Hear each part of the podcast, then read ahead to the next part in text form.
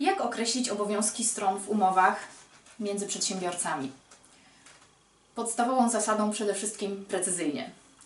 Pamiętajcie, że diabeł tkwi w szczegółach i jeżeli zawieramy umowę, która na przykład, y, której przedmiotem jest y, wykonanie czegoś dla nas, produkcja, dostawa, to wszystkie elementy, o których, na których nam zależy, precyzyjnie sformułowany przedmiot tego zamówienia, terminy, sposób dostawy, dokładne miejsce dostawy, to wszystko powinno być przedmiotem umowy.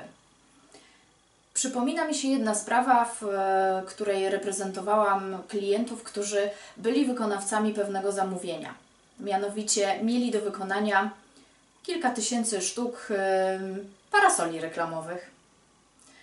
E, Były one wykonywane w, na rzecz zamawiającego e, pewnej instytucji, która przeprowadziła przetarg, wybrała tę właśnie firmę i e, w chwili, kiedy miało dojść do zawarcia umowy, sprawdzili również próbki takich parasoli, zaakceptowali te próbki. Strony zawarły umowę i mój klient w, we wyznaczonym w terminie umowie po prostu wyprodukował i przekazał drugiej stronie te parasole. Cóż się następnie okazało? Okazało się, że zamawiający odstąpił od tej umowy. Miał takie prawo, bo umowa przewidywała prawo odstąpienia i w ciągu 14 dni od e, otrzymania tych parasoli, tak przewidywała umowa, druga strona miała prawo e, odstąpić od umowy. Druga strona niestety nie dotrzymała tego terminu, o czym pewnie opowiem w innym odcinku w zakresie odstępowania od umów. Natomiast co było ważne? Ważne było to, na co powoływał się właśnie tamten zamawiający. Mianowicie zamawiający powoływał się na to, że parasole były wykonane e, z, z nieprawidłowego, z niewłaściwego materiału. Doszło do tego, że w toku procesu e, badaliśmy ilość e, splotów e, tego w tym materiale i rzeczywiście no, można było pozyskać wiedzę na temat różnych rodzajów materiałów, z których wykonuje się parasole. Natomiast najważniejsze, co, co tutaj em, można powiedzieć i, i taką konkluzję, którą należy uczynić, to to, że to po stronie zamawiającego leży określenie precyzyjnie zarówno koloru, jak i kształtu, jak i rodzaju materiału, jak i wielkości i wszystkich innych parametrów tej rzeczy, którą zamawia. Bo oczywiście to wykonawca jest w tym profesjonalistą i zamawiający nie musi się na tym znać, ale zamawiający musi podać dokładnie to, czego oczekuje. Jeżeli ma jakiekolwiek wątpliwości, może równie dobrze poradzić się specjalisty na etapie zlecania.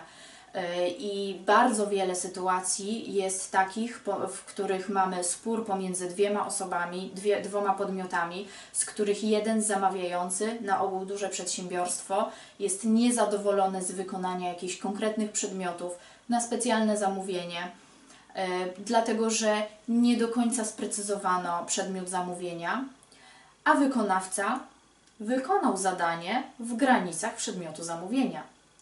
Czyli jeżeli nie dość precyzyjnie sformułujemy to za, zamówienie, a więc jeżeli mamy materiały, to muszą być one dokładnie określone. Jeżeli tego nie wiemy, musimy niestety po, pokusić się o sprawdzenie, z czego w ogóle, z jakich materiałów, jakie są rodzaje i musimy to sprecyzować. My możemy z tym wykonawcą na etapie przedwykonawczym e, ustalać tego rodzaju kwestie, po to, żeby było wiadomo, że jaki, jaki materiał i jakie elementy składowe są danego przedmiotu, żeby też wykonawca wiedział i ewentualnie doradził, co powinno być, w jaki sposób co, dana rzecz powinna być wykonana. Możemy też korzystać z rad ekspertów zewnętrznych.